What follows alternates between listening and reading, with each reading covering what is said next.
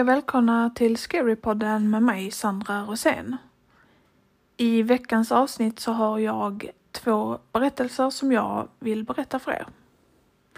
Och i vanlig ordning så babblar vi inte alldeles för mycket eller jag alldeles för mycket utan vi bara kör igång.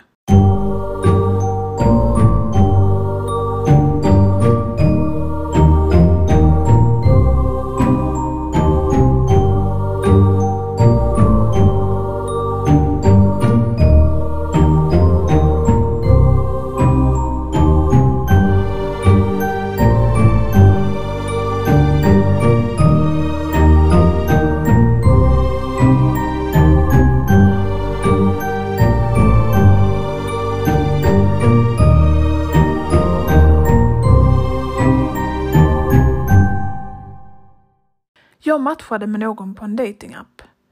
Det var en ganska normal match.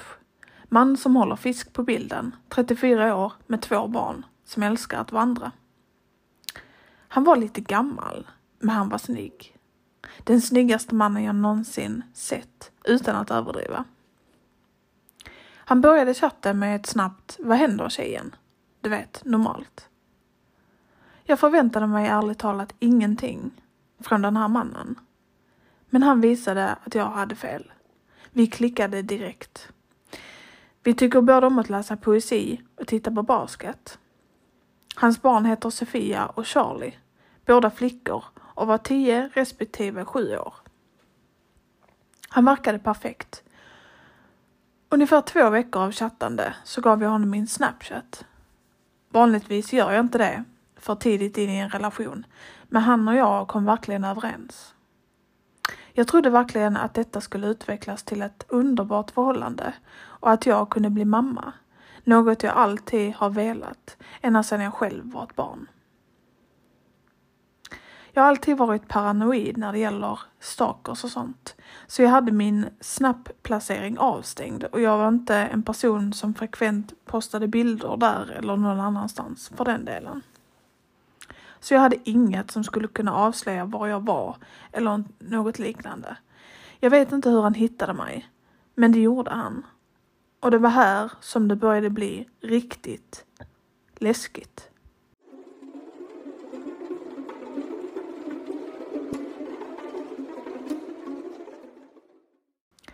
För fem veckor sedan fick jag en snapchat av honom. Det var en skärmdump av platsen jag jobbar på. Av en slump fem kvarter från där jag bodde. När jag frågade vad han försökte göra, för att det skrämde mig mycket, så låtsades han som om han inte visste något. Han spelade alltså dum. Så jag ignorerade det, vilket var ett stort misstag. För fyra veckor sedan, samma sak. Men det var en bild på min väns hem. Fyra kvarter från mitt. Återigen var han helt aningslös och jag borstade bara bort det igen. Och jag vet verkligen inte varför. Tre veckor sedan. Parken jag tar med mig min hund till. Tre kvarter bort. Vid detta laget så ignorerade jag honom helt. Han kommer att sluta nu, eller hur? Jag blockerade dock inte honom. Jag är så dum. Jag ringde polisen för två veckor sedan när snappen visade min bil två kvarter från mitt hem med texten två på. Polisen kunde dock inte göra någonting. För oavsett var de sökte så bodde den här mannen ingenstans. Han fanns ingenstans. Mannen jag träffade på datingappen fanns inte. Ingenting med honom var sant. En rysning gick ner för ryggraden när jag hörde det första gången. För en vecka sedan så var det en garageutförsäljning ett kvarter från mig. Min rumskamrat var med på bilden och det stod 1 som rubrik. Jag ignorerade bara. Det var nog bara en vän som skämtade med mig. Det måste det ha varit. Det här var bara löjligt.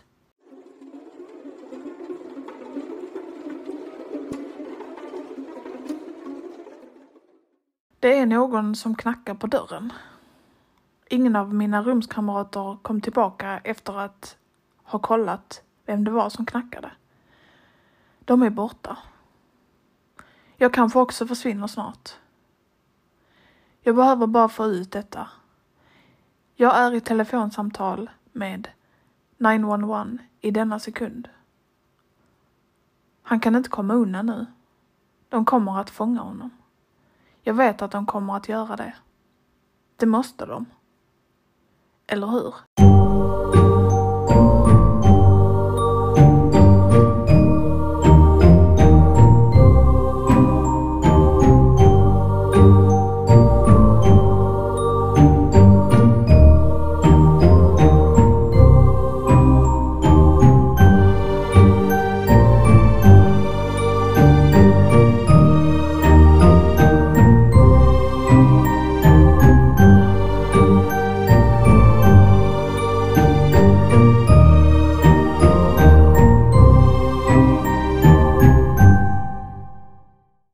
Det var den första berättelsen.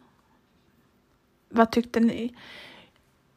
Jag brukar inte vilja ha med stalkerberättelser eller historier. För att de känns så eh, riktiga på något sätt. Jag vet inte. De känns verkliga på något sätt. Eh, för att det är så vanligt att man träffar någon på en datingapp och så, så visar det sig att den här personen är inte alls den som man trodde att det var. Och det är otroligt läskigt, alltså jag får gåshud bara jag pratar om det nu. Men eh, jag tyckte ändå att den var bra, så jag tyckte ändå såklart att den förtjänar en plats här i podden. Men eh, var försiktiga där ute. Och jag är tur att jag inte är singel. att jag inte behöver träffa någon idiot. Men eh, nu fortsätter vi med nästa berättelse.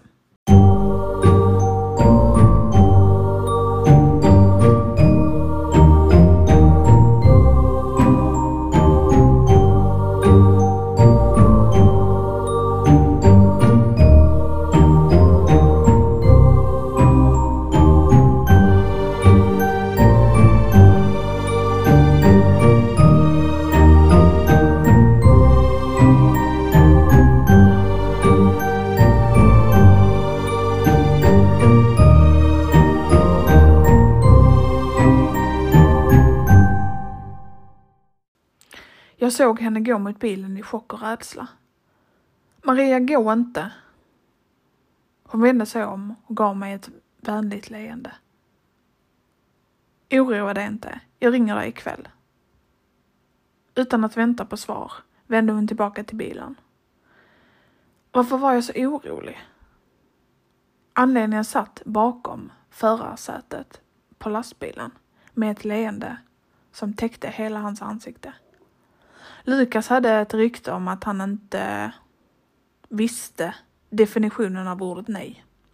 Flera kvinnor och, och i hemlighet några kända killar hade viskat om att eh, trauman som han hade utsatt andra för.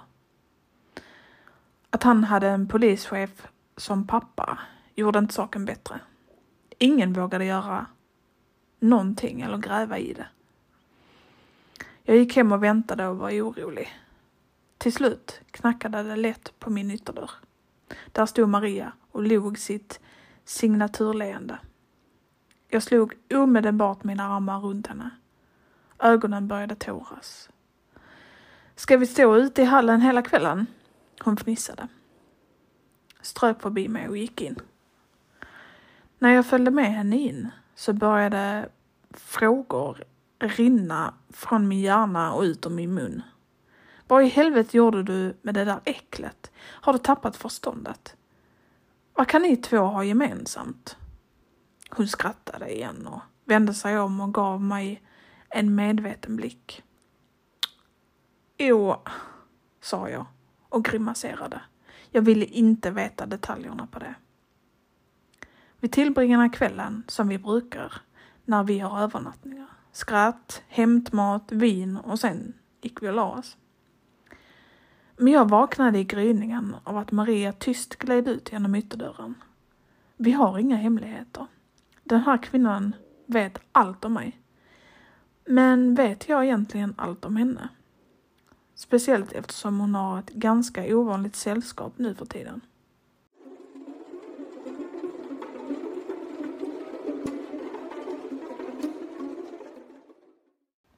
Utan en tanke till tog jag på mig skorna och hoodien och gled ut efter henne. Jag fick syn på henne på väg mot parken. Jag skyndade mig tyst och förbannade varje knastrande löv och varje knäppande kvist. Hon gick ut från parken och in i skogen bakom den. Det var definitivt något skumt på gång och jag tänkte ta reda på vad det var. Jag följde Marias halvpåtagliga skugga genom labyrinten av träd och mörkret tills jag kunde se en brasa brinna i en liten glänta. När jag kom närmare kände jag hur magen föll. Lukas höll armarna om Maria och om nacken. Jag började springa men stannade i mitt spår när Maria började fnissa okontrollerat.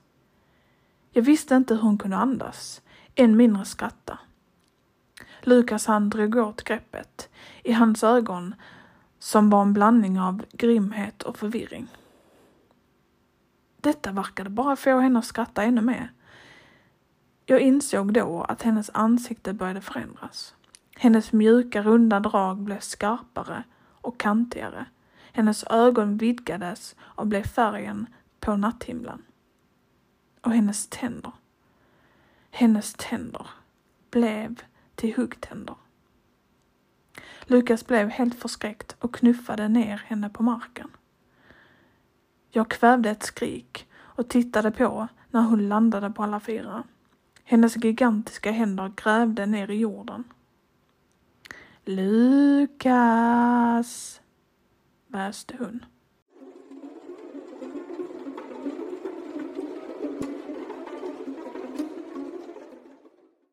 Nästa sak som hände var att hon kastade sig mot honom som en katt. Lukas, hur många liv planerar du att förstöra med de smutsiga, smutsiga händerna? Han slog vilt mot henne, men det gjorde ingenting för att avskräcka henne.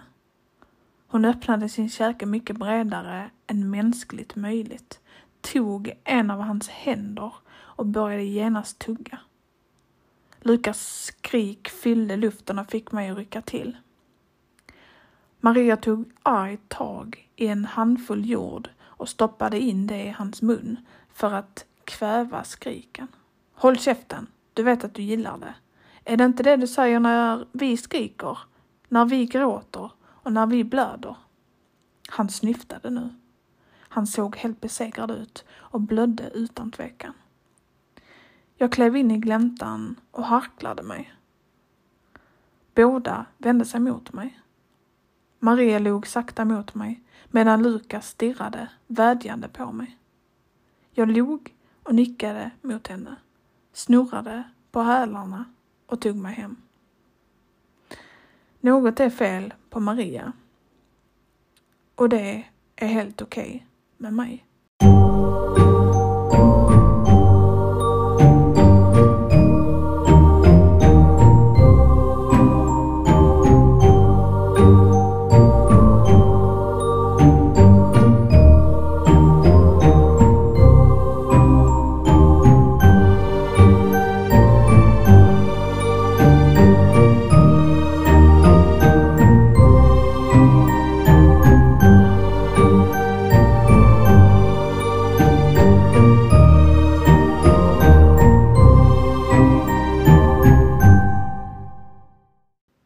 Och det var den andra och sista berättelsen för denna veckan.